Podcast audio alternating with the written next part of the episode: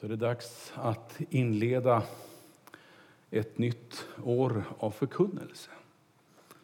Och vi har pratat om hur och vad som ska liksom försöka präglas av det här årets förkunnelse under halva hösten, tror jag. Eh, senare delen i alla fall. För det är så viktigt, känner vi som pastorer, att vi vill gärna ha något Kanske inte ett, en ny vision, för det är inte det vi behöver, men en, ett slags årstema.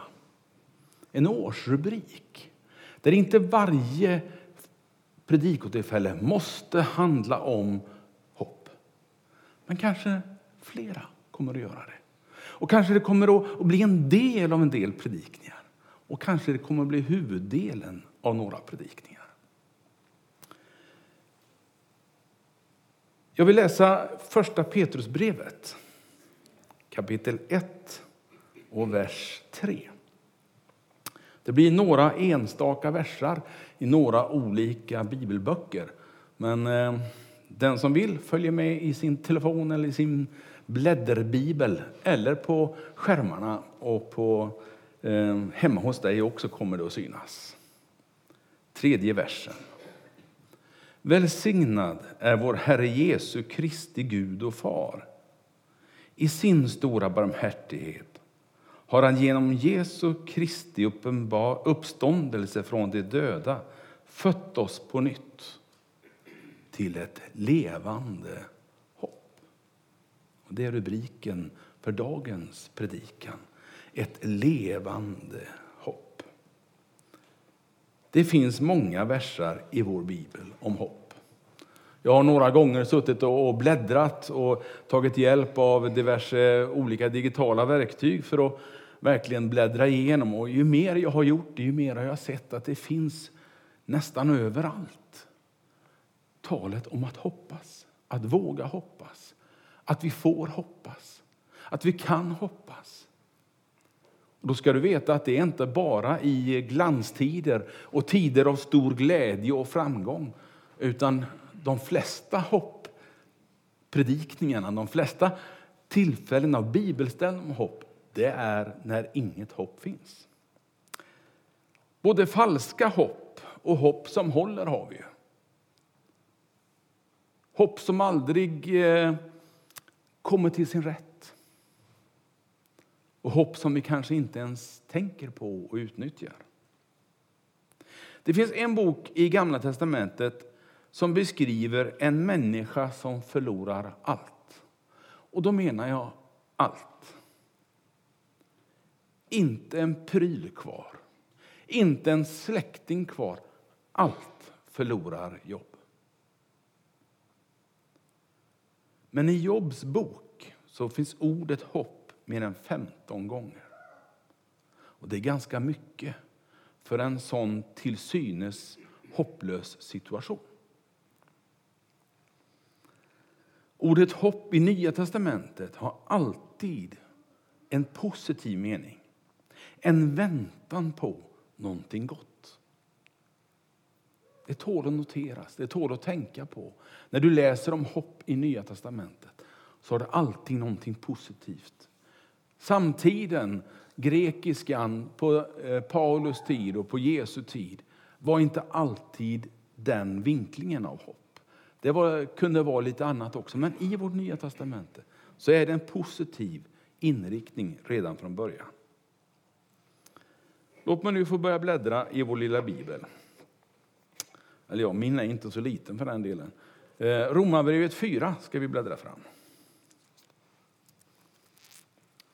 Romarbrevet 4 och 18. Vet du att jag tycker det är gött att bläddra i en bibel? Det där lite prasslandet, jag, jag gillar det. Jag kanske är så gammal så att eh, jag inte har lärt mig det tysta sättet att eh, vet, svi, inte svischa, utan man, man, eh, pekar med fingret. Jag gjorde det på datorn hemma till och med. Och det hände ingenting på skärmen. Men, men eh, när man gör det på telefon så funkar det ju. Och när man bläddrar så funkar det alltid. Eh, Romarbrevet 4 och vers 18 står så här. Där hoppet var ute hoppades han ändå och trodde. Vilken han? Abraham. Kommer du ihåg berättelsen om Abraham? Jag ska inte dra den långt, så har du inte, har du inte den i färskt minne så får du gärna läsa om den i Första Mosebok. Abraham längtade efter sin förstfödde son. Sin son tillsammans med Sara. Nu hade de längtat länge, bägge var gamla. Hoppet var liksom ute. Och Det behöver man inte vara biologiprofessor för att förstå. De var rejält gamla, 80 bast bägge två. Så rent fysiskt så var det hopplöst. Men mitt i den hopplösheten så vågar han hoppas ändå. Och Det är kanske därför vi har Abraham med i vår, i vår bibel så mycket.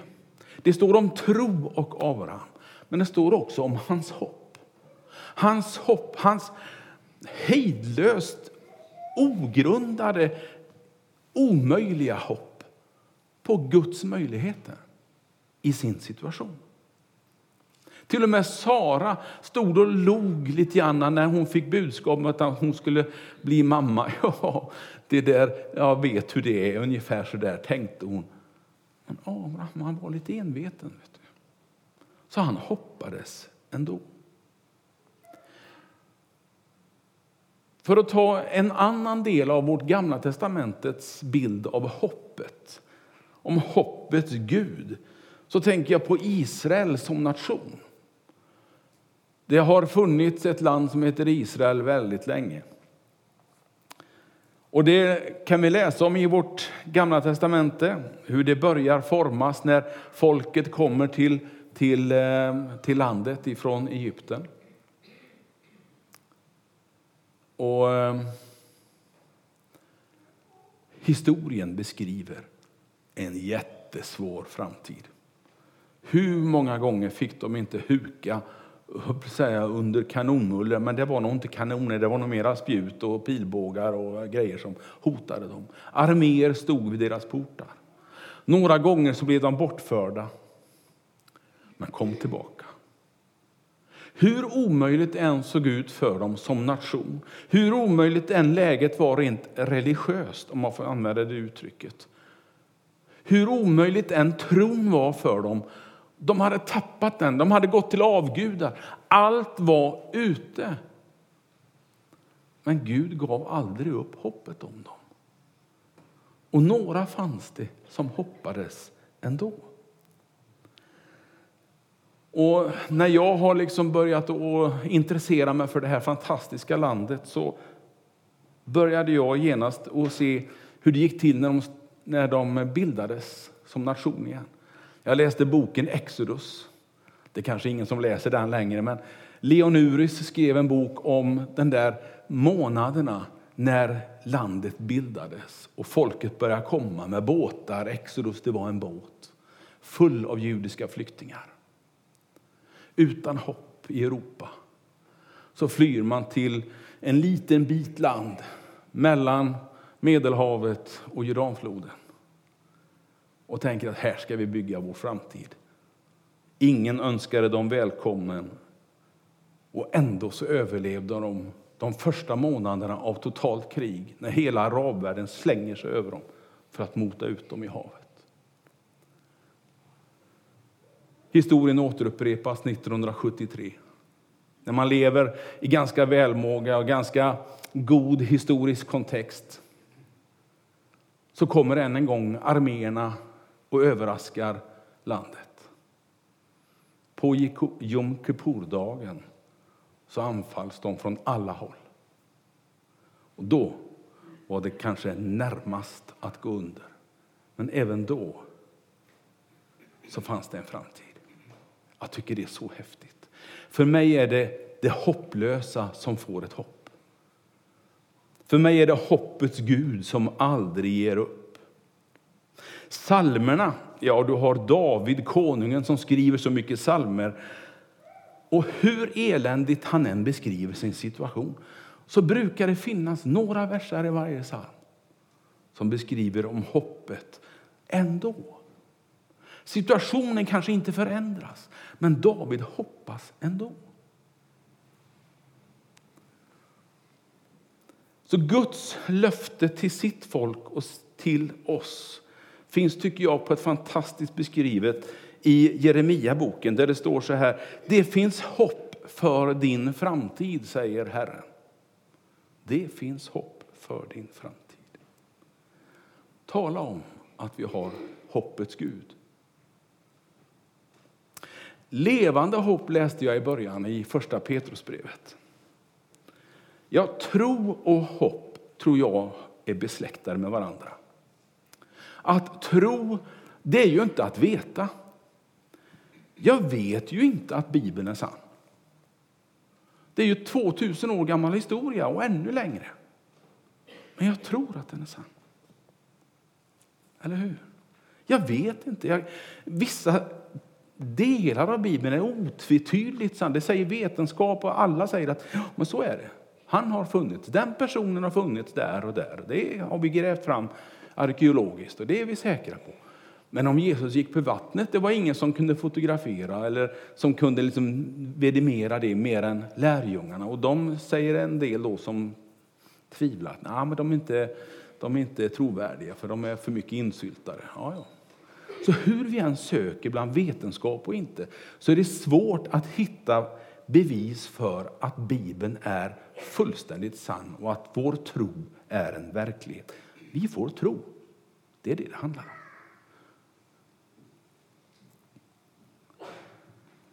Man vet inte om Guds existens. Men jag hoppas på en framtid med honom. Jag vet inte om Gud kommer att ta hand om mig och dig framöver, men jag hoppas det. Och historiken talar för det. Men jag vet inte.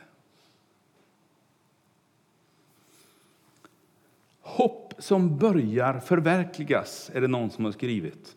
Det är ett levande hopp. Hopp som aldrig blir någonting utav lever inte. Men hopp som man kan se, det börjar lite grann. Kommer du ihåg berättelsen om, om eh, Elia på Karmel? Hur eh, tjänaren får i uppdrag att säga till när det börjar regna. Ja, ser du några moln? Nej, jag ser ingenting. Ser du några? Ja, vänta lite. Längst bort där borta, bortanför, långt bort igenom där, där är det ett litet, litet moln. Du, skynda dig nu hem och hämta regnjacka och paraply, för snart kommer det ösregna. Det var budskapet. Och så blev det också. Och jag tycker det är så häftigt när jag tänker på ett levande hopp hopp som börjar lite granna sjunka ner och slå sin rot i ditt och mitt hjärta, det är ostoppbart.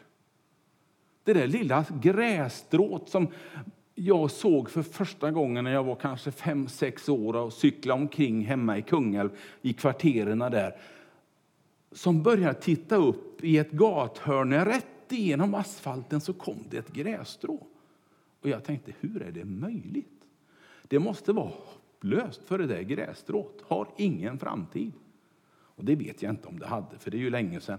Men jag tänker liksom, det är det som börjar väldigt lite. Vad ska vi ha respekt för?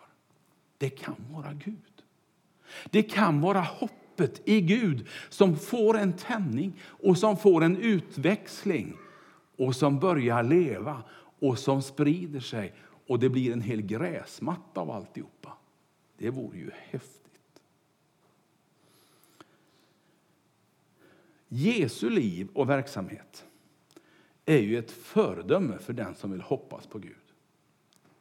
Hur många gånger stod han inte där framför en döv, en blind, en spetälsk, ingen kunde bota, en halt som ingen kunde hjälpa. Och slutligen inför sin egen död, som man inte kunde göra någonting åt heller. Jo, han kunde, tror jag, kliva ner från korset. Jag tror att det var en möjlighet, men som han inte ville. Men själva döden kunde han inte rå på. Jo, men han väckte ju upp Lazarus. Ja, men det var ändå inte samma sak. Det var ändå inte samma, för Lazarus dog igen sen. Men Gud kunde. Gud återuppväckte honom till ditt och mitt hopp. Ett levande hopp om en återuppståndelse väcks på påskdagens morgon av Jesus Kristus. Det är också skapelsens största hopp. Jag vet inte hur mycket hopp jag ser när jag tittar på talet om jorden, världen, skapelsen som jag kallar det för. När jag följer det i media så tycker jag det är väldigt mycket nu går det ut för, nu är det sämre, nu är det jobbigt, nu är det svårt, nu måste vi göra si, nu måste vi göra så. Och så blir det ingenting i alla fall. För några sitter där längst upp och bromsar hela tiden. Och säger, Nej, det går inte, vi vill inte, eller vad man nu har för anledning. Men jag tror på förvandlade människor som får ett hopp i Jesus Kristus kan faktiskt också förändra en alldeles omöjlig klimatsituation. Man förändrar genom att jag förändras. Man förändrar genom att en person förändras. Jag tror inte att vi kan få en global, eller ens nationell, eller knappt ens i Tibro att vi kan ändra på alla människor. Det går inte. Men kan jag ändra på mig? Kan du ändra på dig?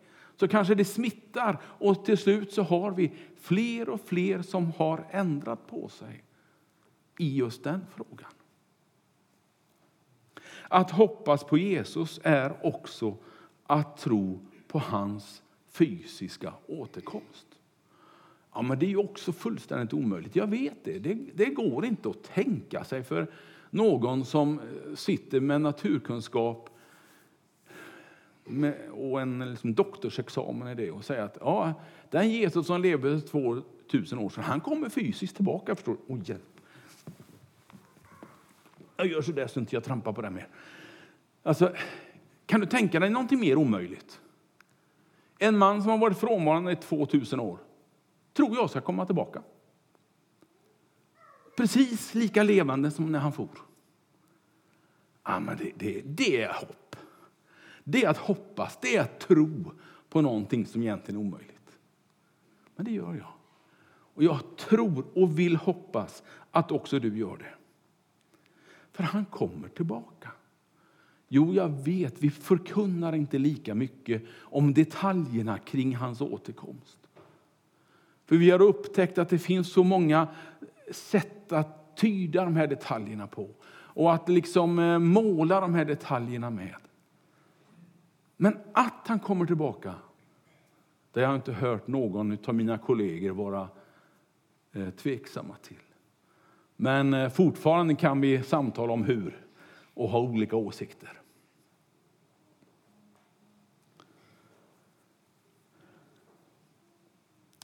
Det finns ett hopp, till och med bortom döden.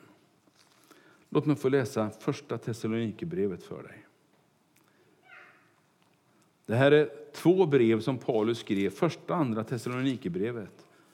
Som när jag gick på bibelskola i Kungälv för så många år sedan så jag har slutat räkna antalet. Så sa våra bibellärare, de två breven, det är de eskatologiska breven. Det är då Paulus skriver om vad som komma skall. Vad som händer när han kommer tillbaka och hur det kommer att se ut och hur det kommer att vara. Det finns på fler ställen, men de två breven är lite, lite mer utav det än andra. Första Tess kapitel 4 och vers 13 där står det så här. Bröder, vi vill att ni ska veta hur det blir med dem som har insomnat. Så att ni inte sörjer som de andra, de som inte har något hopp. Oj, finns det människor som inte har hopp? Ja, jag tror det. På lite olika plan så finns det människor som inte har något hopp. Som beskriver en hopplös situation i sitt eget liv, i sin egen person, i sin egen del. Vad det nu kan vara. Om det är jobbet, om det är familjen. Vad det än är. Jag tror att det finns människor naturligtvis som har utan hopp. Det Paulus beskriver här det är ju lite grann den som har dött. och avlidit finns det ju utan Gud inget hopp för att återse i livet. Men med tron, med Jesus Kristus, så finns där ett hopp. Och det är helt outstanding, skulle jag vilja påstå, i kristen tro. Det som har insomnat, skriver den gode Paulus. Ja, det, det, är ju, det är ju ett märkligt eh, statement av honom om människor som har dött och begravts, eller hur? Eh, det är ju livsfarligt att säga det till ett barn, eller hur? För de blir, kan ju bli rädda på kvällen och tro att de ska dö.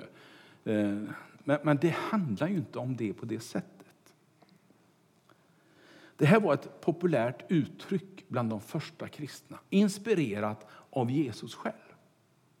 Han talar ju om när han, när eh, han ska äh, återuppväcka Lazarus. På lite avstånd säger han, han får höra att Lazarus är dålig och att han till och med har dött. Lugn, det är ingen fara. Han har bara somnat. Eh, han säger samma sak tror jag det är till eh, flickan Tabita.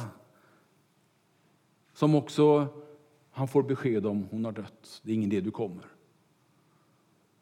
Då säger han det är lugnt. Hon sover bara. Och det där tar man tag i i den första kyrkan på första århundradet och talar om de döda som insomnade. Därför att hoppet var så starkt. Att Jesus Kristus skulle återuppväcka dem på den yttersta dagen. Det var så tydligt för dem så de kunde inte ens tänka sig som, som döden som det här slutgiltiga, svåra och jobbiga som människor utan tro på Gud kan ha. Alla människor är inte förtvivlade, det är inte det jag säger, som inte har en tro på Jesus. Det är inte så jag säger det. Men jag tror att vi har ett starkare hopp, en starkare tro om ett liv efter detta än någon annan.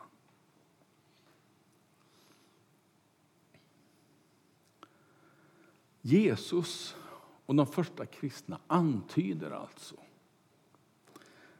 att uttrycket och den slutliga udden i att somna in är bruten när det gäller döden.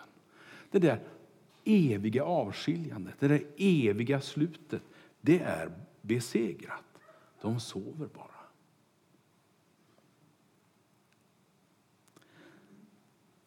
Det kommer tillbaka eh, sen också i, i de första kristna som använder uttrycket faktiskt för en gravplats.